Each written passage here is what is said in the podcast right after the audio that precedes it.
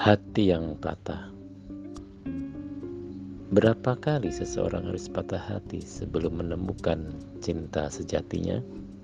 Sekali, itu terlalu sedikit, dan saya percaya orang yang sering disakiti ketika menemukan cinta sejatinya akan lebih menghargai orang yang mencintainya dan hati pencintanya itu dibandingkan dengan orang yang kehidupan percintaannya relatif mulus.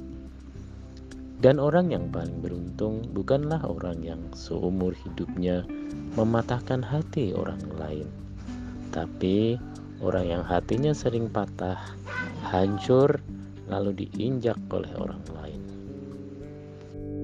thank you